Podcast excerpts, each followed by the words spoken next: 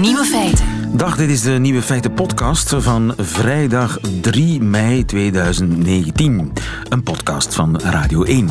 In het nieuws vandaag deze opvallende nieuwkomer in de Britse charts. Dit nummer is binnengekomen op de 11e plaats.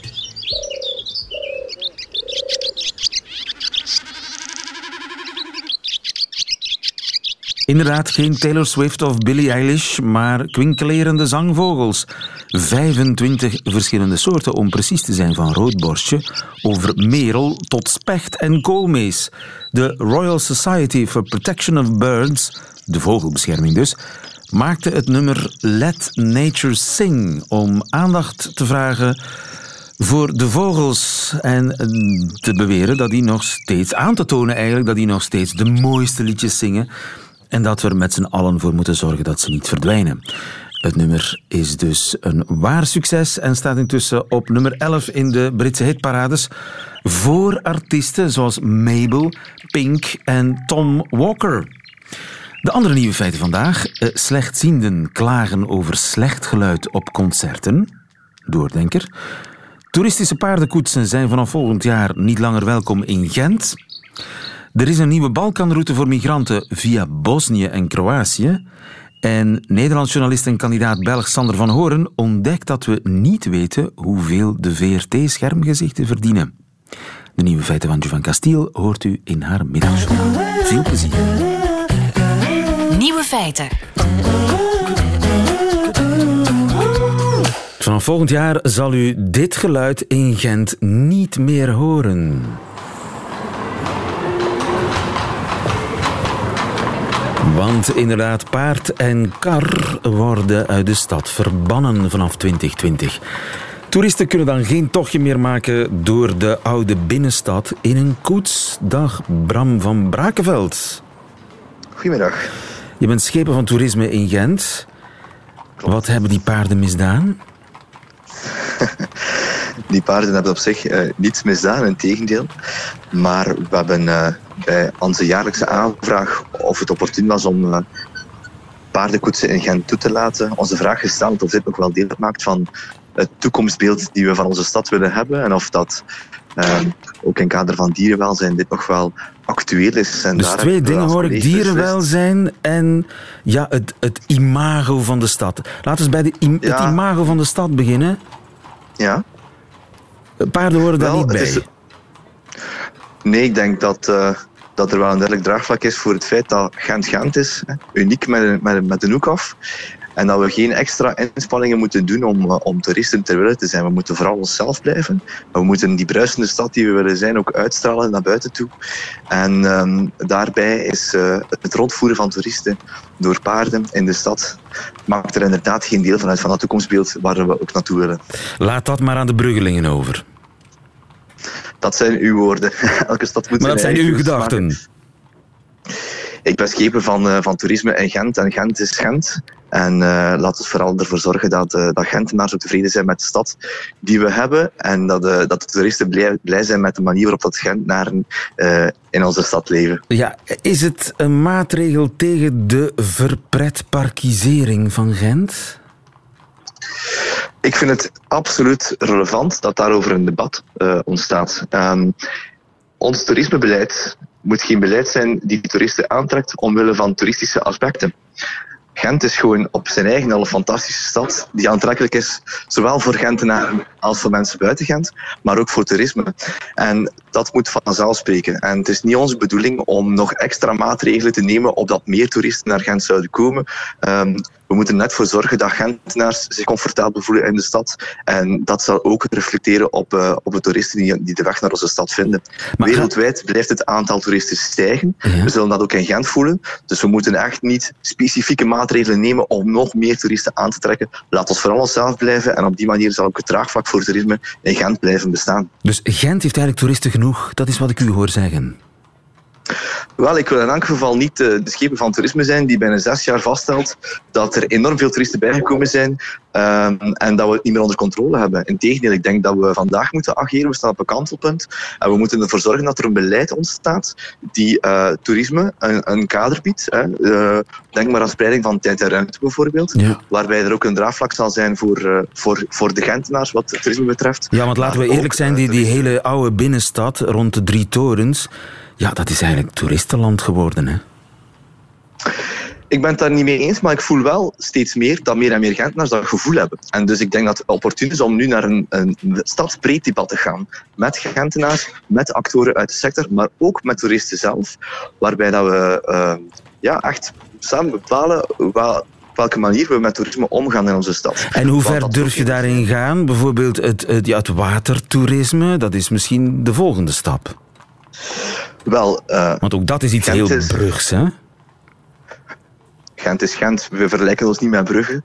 Daar doen we niet aan mee. Maar Gent is wel de stad waar dat Schelde en Leien samenvloeien. Dus water zit in ons DNA. Denk maar ook aan de opengelegde reep. Ja, je voelt gewoon dat Gentenaars daardoor heel gecharmeerd zijn en uiteraard dan ook toeristen. Um, en dat, uh, dat toeristen daar ook mee van genieten, dat vind ik maar logisch. Maar ook Gentenaars gaan meer en meer het water op. Ja.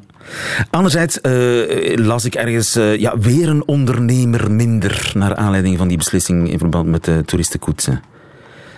Ik wil daar niet flauw over doen. Uh, ik weet dat dat voor de betrokken uh, uitbater absoluut geen evidente boodschap is.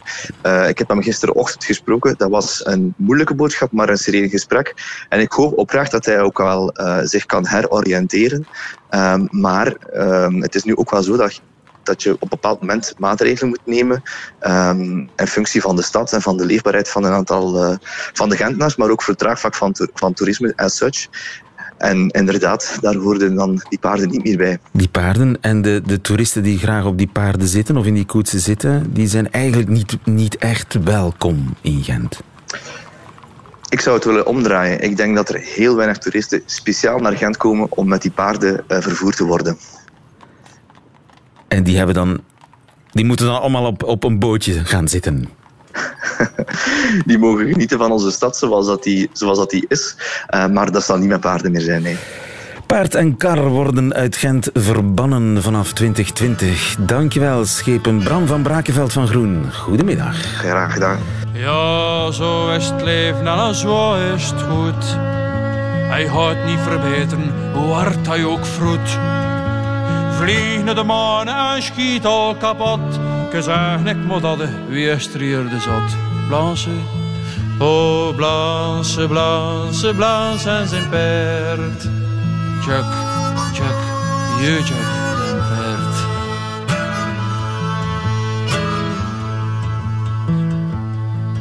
Dat dokkert die karre door dobbele straten van s'nachten stil ik tot s'avonds laten.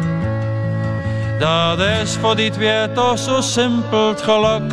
Ze verstaan elkaar met een simpele jeutjak.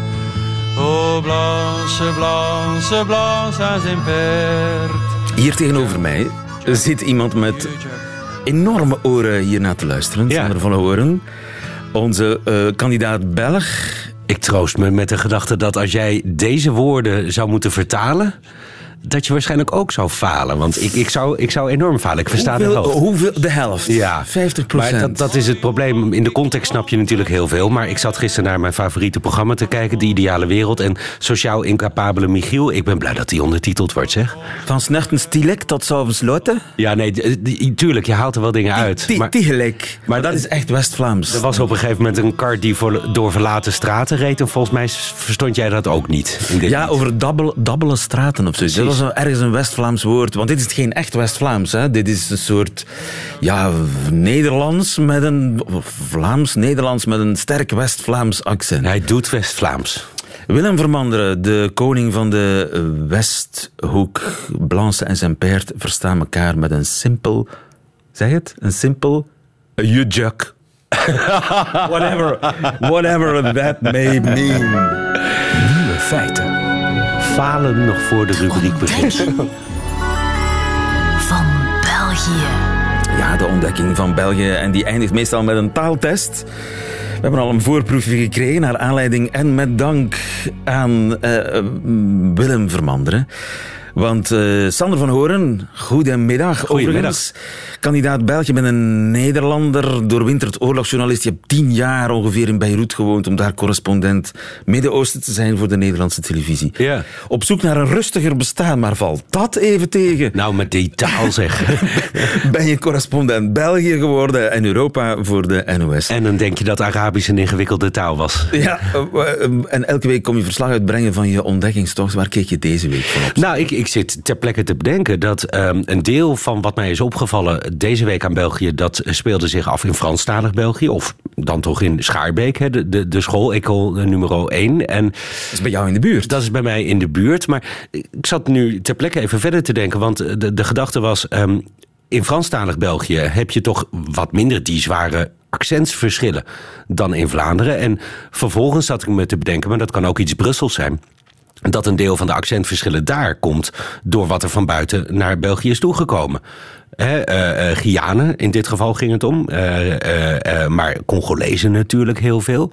Die hebben een heel uitgesproken accent. Ja, en volgens mij is dat veel meer de verklaring van de accentverschillen in Wallonië... Dan, dan dat het in Vlaanderen is. Dus dat, dat vind ik dan op zich nog een interessante Wilde hypothese. Wilde hypothese, bij deze geponeerd. Ja, maar... Nou ja, en het leuke is dat zo'n hypothese tegenwoordig waar is... als jij niet meteen kan bestrijden. Dus mijn stelling zou nu zijn... Vlaanderen heeft veel meer accenten dan Wallonië.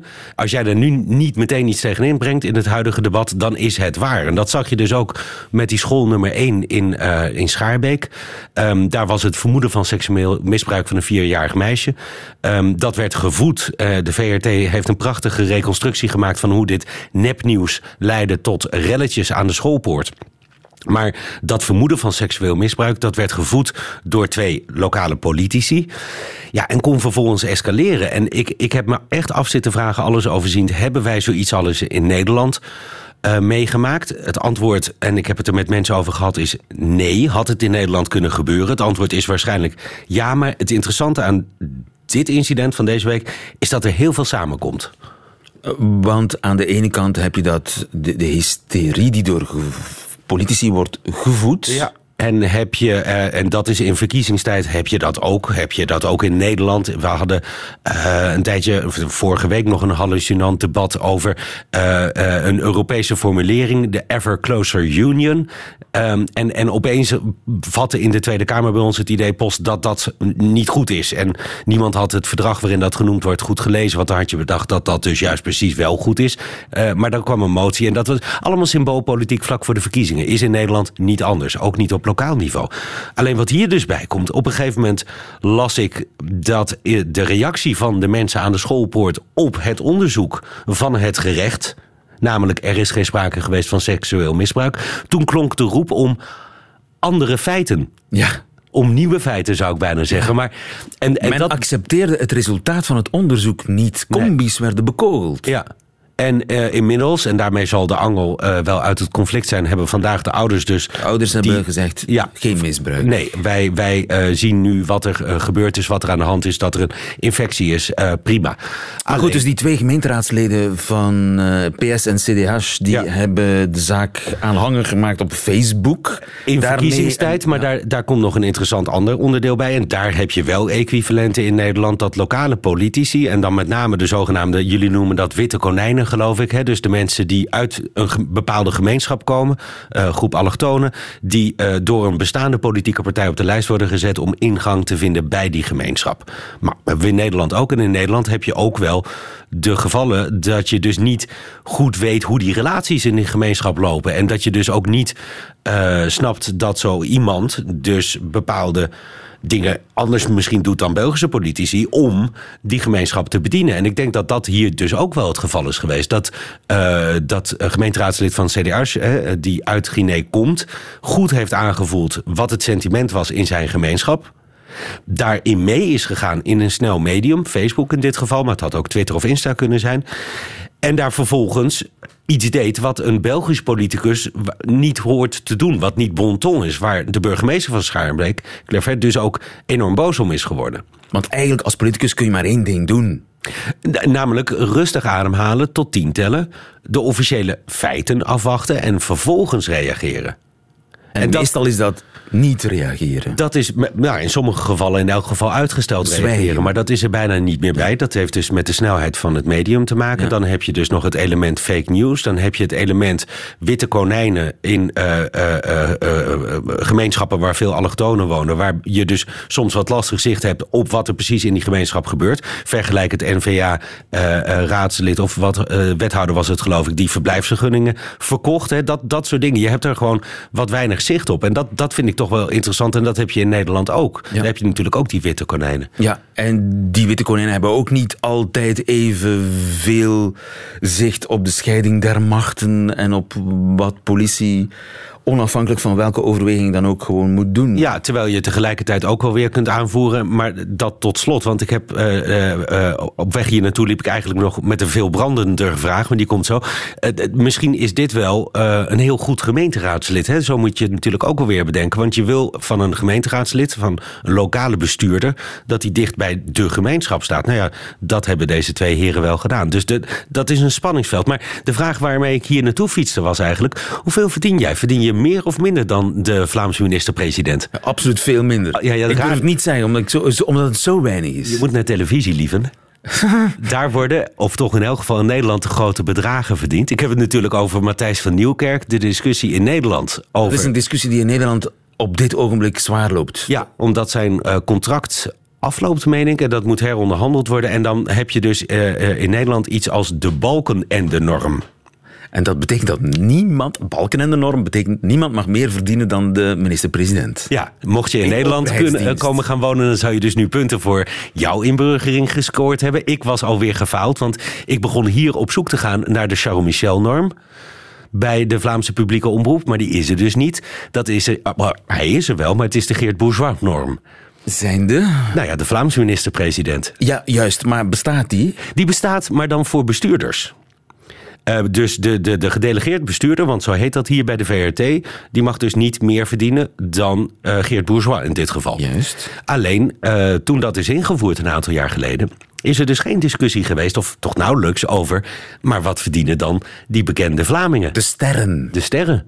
En dat heeft er natuurlijk mee te maken dat veel van hen eh, freelance zijn. Of eh, via Woestijnvis, Studio 100, nou ja, in elk geval een productiebedrijf. Maar wacht eens even. Weten de Nederlanders hoeveel Matthijs van Nieuwkerk verdient? Als Matthijs van Nieuwkerk in dienst is van een publieke omroep, ja. Dan is dat toch in elk geval eh, in de jaarverslagen terug te vinden.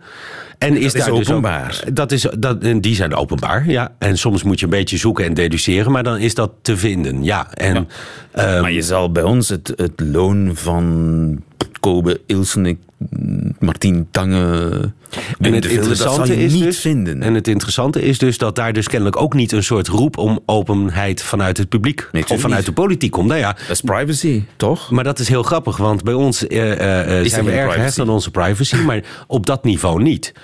Dan, dan zou je dus, zeker in verkiezingstijd, maar eh, vanuit de politiek de vraag hebben: wat gebeurt er met ons belastinggeld? Want dat is natuurlijk het spanningsveld waar je op een gegeven moment aan de ene kant, ja, privacy, inkomen is Want hoeveel verdient Matthijs van Nieuwkerk? Nu wil ik het toch weten. Eh, nou, de laatste cijfers die ik hoorde was eh, eh, 300 nog wat duizend. Maar er zit natuurlijk nog van alles bij aan... aan nou ja, hij zal ongetwijfeld ook zijn eigen productiebedrijf hebben. En een deel werd dan direct en een deel in. Veel. Veel. Nou ja, veel. Ik bedoel, ik, ik, ik- de man werkt enorm hard. De Maar het is man wel heeft- belastingsgeld. ja, maar de man heeft geen sociaal leven. En op het moment dat je ehm, eh, dat verdient in het bedrijfsleven, dan wordt daar, tenzij het or- exorbitant is, hè, de, de, de zelfverrijking eh, is, staat ook daar ter discussie. Maar dan, dan heb je het vanaf over vele miljoenen. Eh, maar discussie over bijvoorbeeld salarissen in de commerciële sector, die zijn er een stuk minder. Dus het element van belastinggeld, dat is voor de Nederlander heel belangrijk. En ik stel tot mijn verrassing eigenlijk vast dat dat voor de, de, de, de Vlaming eh, een stuk minder belangrijk is. Ja, wij weten niet van elkaar hoeveel we verdienen. Nee, is dat toch dat Calvinisme dan bij ons? Zou het, Sander, zou het. Eh, wat ons brengt bij de woordenlijst. Ben jij blij met je pre? En toen werd het zo stil. Ja, ik zit me in radio. gemoeden af te vragen of ik daar nou wel blij mee ben. Met je pre? Ja, met mijn pre. Maar wat is je pre? Nou ja, hoe kun je verzinnen of je ergens blij mee bent als je niet weet waar je dan blij mee zou moeten zijn? Je pre is je loon. Mijn loon. Ja, eh, ja, ik ben tevreden met mijn pre. ja. Oké. En heb jij ooit dopgeld gekregen? Dopgeld, is dat iets van tekengeld? Of, of, eh, Tekengeld? Ja. Wat zou tekengeld Tekengeld is wat je krijgt op het moment dat je je contract tekent. Maar Dopgeld? Dopgeld. Doppen. Doppen. Je boontjes doppen. Nee. Doppen? Nee, ja, je kunt het tien keer vragen, maar dan weet ik het nog steeds. niet. Stempelen? Stempelen? Is hetzelfde. Wat, wat is stempelen? Ja, ik weet wat stempelen is. maar- Stempelgeld of dopgeld is ook hetzelfde. Maar wat doe je als je stempelt of dopt? dan ben je werkloos. Haha. Ja, ja, ja, ja, ja. Heb je ooit een uitkering gehad? Juist. Waarom vraag je dat dan niet? Ja, en een nieuwe auto, kan je bruine dat wel trekken? Je eh, bankrekening dat wel trekken? Je baas dat wel trekken? Ik reken het goed. Hè? Ja. Ik kijk even naar Michel, onze technicus. Je bruine trekken, kan je bruine dat wel trekken, een nieuwe auto? Michel, zet even zijn microfoon op. Mijn bruine niet. Eh, het is gewoon een uitdrukking. Ik weet niet wat de bruine is. Ik denk een paard. Kan je paard dat wel trekken? Kan je, is je portemonnee, zijn je zakken diep genoeg? Is je portemonnee dik genoeg om, om dat te betalen? Maar ik reken hem goed. Nou, maar de grap is een beetje... nou, Ik bedoel, volgens mij heb je in Nederland een equivalent. eh bruintje. Eh, dat kan bruin niet trekken. Maar ik heb er altijd, ben er altijd vanuit gegaan dat bruin in dat geval een persoon is. dat zou kunnen. We gaan het nazoeken. Of Maar, we gaan tot onze verrassing ontdekken wij dat wij een uitdrukking gemeenschappelijk hebben. Ik dacht het is Vlaams, maar het is gewoon Nederlands. ook. Hashtag nieuwe feiten. Hashtag nieuwe feiten. Dankjewel Sander. Tot volgende week.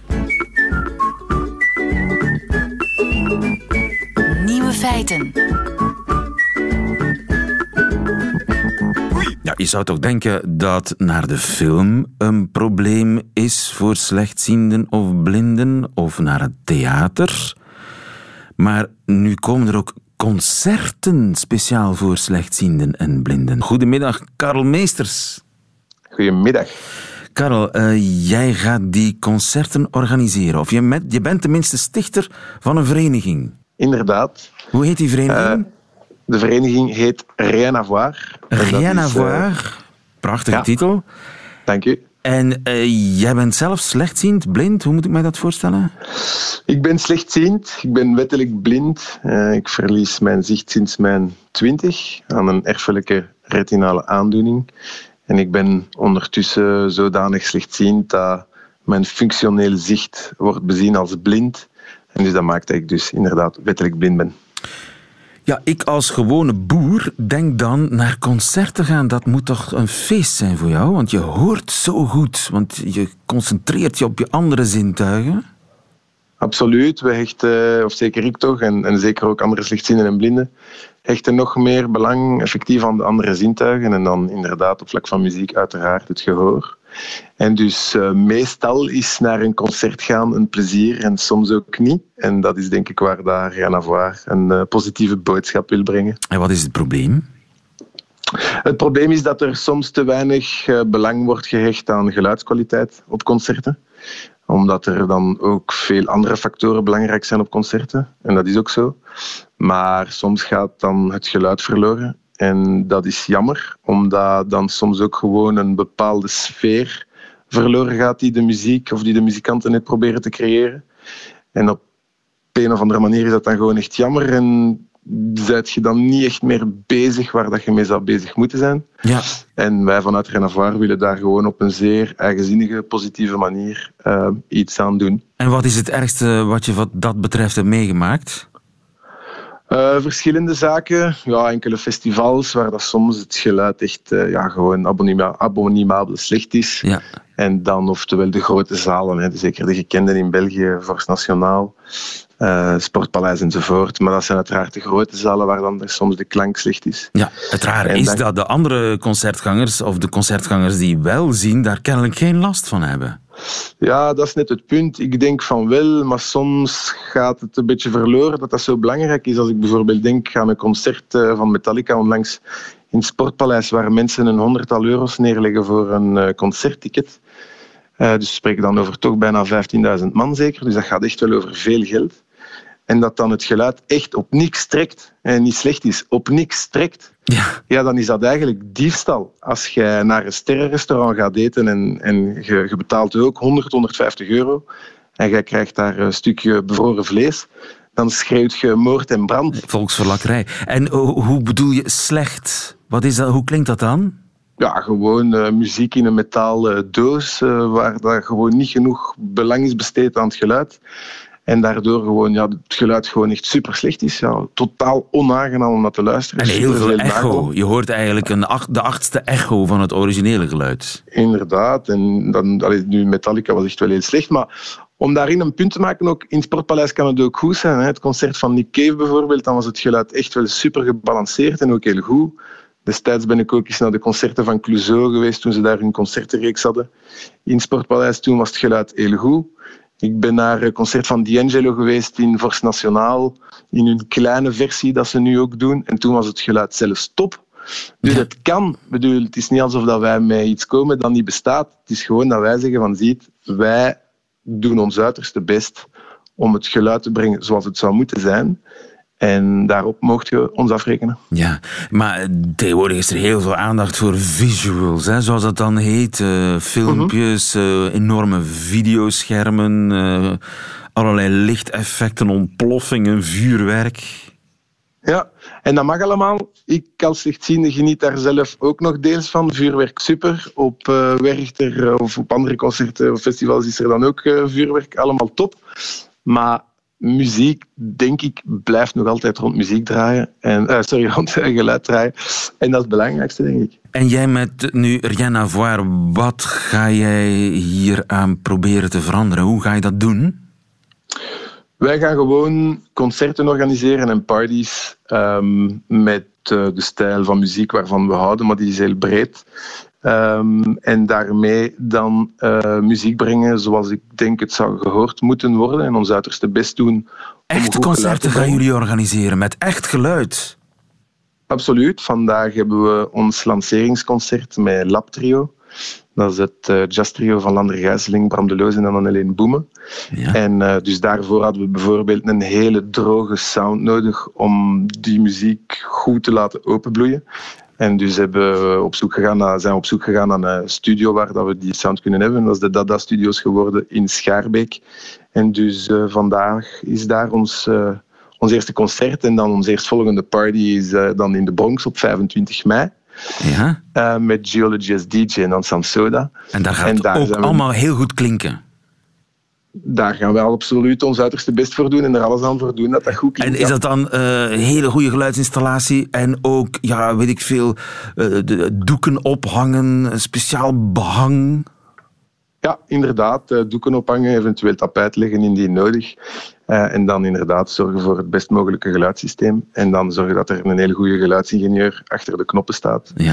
En ervoor zorgen dat alles mooi gebalanceerd is. Maar het is toch vaak ja, versterkte muziek die, die een probleem is. Als je naar een klassiek concert gaat, ik weet niet of je dat af en toe doet, maar bijvoorbeeld in Studio 4, Flagey, Concertgebouw in Brugge, dat, is toch, dat zijn toch eh, feesten hè, voor het oor? Ik ben zeer blij om te zeggen dat we samenwerking hebben met Vlaams Radiokoor. We hebben een co-productie eh, waar we enkele concerten gaan brengen. En het eerste concert is op 26 september in Flagey Studio 4. Dus in dat opzicht klassieke muziek in zo'n zalen top. Maar je kunt ook klassieke concerten zien in slechte zalen en dan is het minder top. En Dat bestaat ook, hè? Dus uiteraard. zelfs de, eh, in het klassieke circuit heb je soms slecht geluid, hè? Absoluut. En dan, dan kijk je natuurlijk meer naar de akoestiek eh, van, de, van de zaal. Ja. Maar ja, groot, allee, inst, allee, organisaties zoals Vlaams Radiokoor, ja, die spelen natuurlijk vaak in de goede zalen, uiteraard. Ja. En dus jullie zoeken ook samenwerkingsverbanden om in het algemeen eh, de, de gelu- het geluid naar boven te halen, de geluidskwaliteit naar boven te halen. Absoluut, ja. We worden omringd door experten die mee willen werken aan ons project. Er wordt eigenlijk vrij enthousiast gereageerd vanuit artiesten, muzikanten, muziekindustrie, organisaties. En die energie willen wij gebruiken om op een positieve manier gewoon bij te dragen en eh, op een eigenzinnige manier een boodschap eh, de wereld in te sturen. Daar ben ik heel blij mee. Dankjewel, Karel Meesters. Veel succes.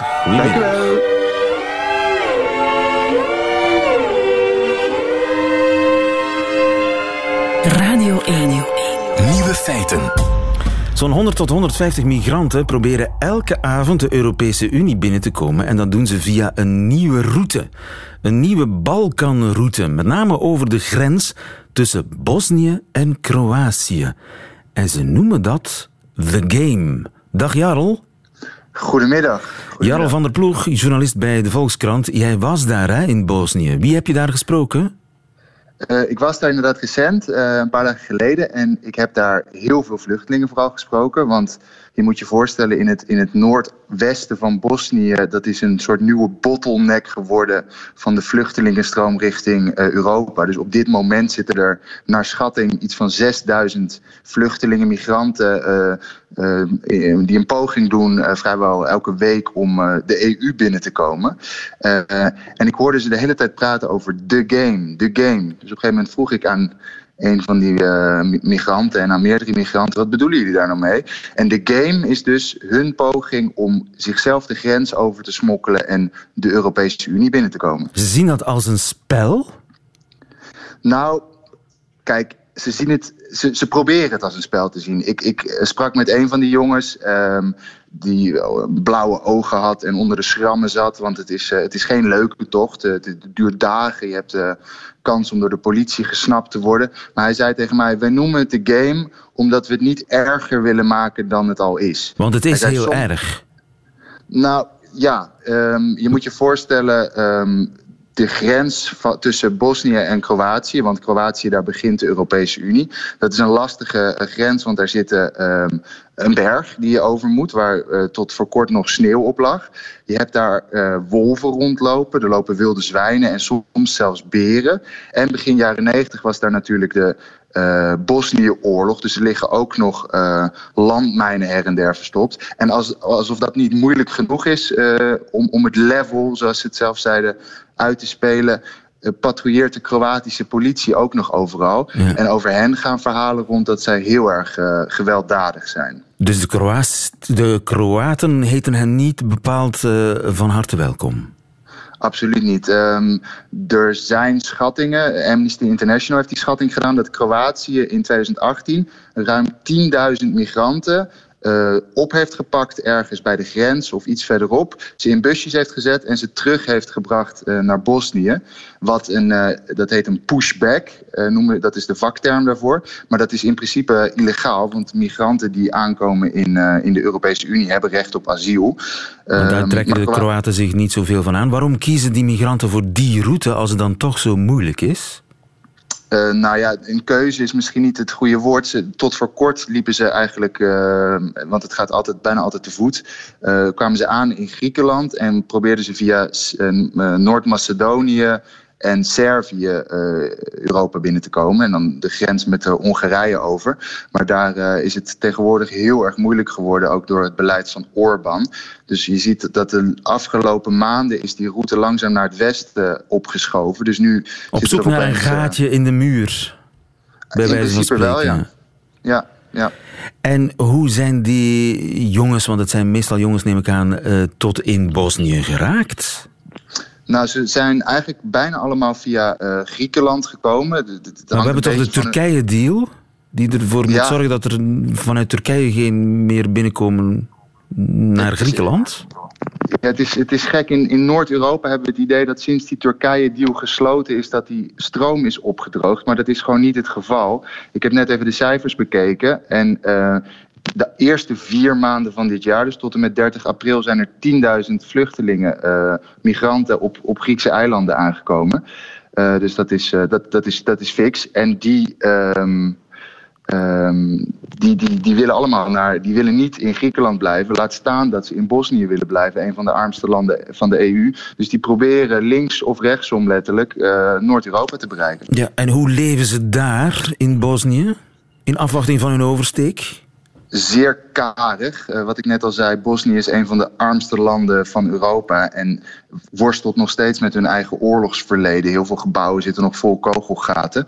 Um, en ze hebben helemaal geen geld om, om opeens die enorme vluchtelingenstroom uh, op te vangen. Want tussen 2017 en 2018 steeg het aantal migranten in Bosnië van, van, van duizend naar ongeveer 24.000. Dus dat is in één jaar een enorme toestroom. Dus en dat ik ben is zeer, recent nu, een enorme toestroom. ja, in Bosnië. In, in, in één jaar tijd is het dus voor 24voudig. En zou dat te Eh, maken kunnen hebben met het feit dat de oversteek via de Middellandse Zee ook moeilijk is geworden, zo niet onmogelijk, met een nieuwe regering in Italië die zegt van we nemen ze niet meer op? Absoluut. Dat, wat je zei, ze- proberen een gat in de muur te zoeken. Eh, Italië, volgens diezelfde cijfers die ik net aanhaalde, in één jaar tijd is het, eh, het aantal migranten dat via de zee in Italië aankomt met ruim 95% gedaald. Ehm, dus, dus, dus de migranten die, die op zoek zijn naar, naar beterschap in, in Noord-Europa, die gaan nu via, vooral via de Balkanroute. En de nieuwe route loopt via Bosnië, Kroatië in, maar dat is een eh, zeer gevaarlijk pad die eindigt in schrammen en blauwe plekken. Zeker, zeker. Begrijp ik. Jarl van de Ploeg, dankjewel. Goedemiddag. Nieuwe feiten. Middagjournaal. Goedemiddag. Ik heb last van slapeloosheid en dus ben ik vaak de hele nacht wakker met te veel gedachten in mijn hoofd. En ja, ik heb alle zogenaamde goede raad tegen slapeloosheid al van iedereen gehoord. Als je een kop warme thee drinkt, maakt dat je kalmer. Nee, als ik een kop warme thee drink, zou ik nog even wakker zijn en ook zou ik 15 keer naar de wc moeten gaan. Dankjewel. Je kan ook schapen tellen. Het domste advies ooit. Want als de schapen in mijn hoofd zijn, dan weet ik al hoeveel dat er zijn. Dus wat is het punt? En als ik ergens naartoe ga om echte schapen te tellen, moet ik aan de politie uitleggen waarom ik in mijn badjas in een veld sta om drie uur s morgens. En dan zou ik het aantal schapen vergeten en kwaad worden op de politieagenten en zou ik de rest van de nacht in een gevangenis moeten zitten tussen twee prostituees en een seriemoordenaar. Slecht plan. Het meest creepy advies dat ik ooit kreeg was dat ik moest doen als Yoko Ono. Blijkbaar slaapt Yoko Ono nooit een volledige nacht door. In plaats daarvan slaapt ze elke 2 uur 15 minuten. Het mag in een chic restaurant zijn, maar als de twee wakkere uren van Yoko Ono op zijn, zijn ze op. En moeten haar vrienden doen alsof alles normaal is, zelfs als Yoko Ono met haar gezicht op haar boot gevallen is. Ober, kan je alle pasta vanaf haar kin bewaren? Ze zou dat graag binnen 15 minuten opeten. Je zal vanaf nu dus nooit meer vergeten als je om 4 uur s morgens weer niet in slaap geraakt. Yoko Ono is ook wakker. Yoko Ono is altijd wakker.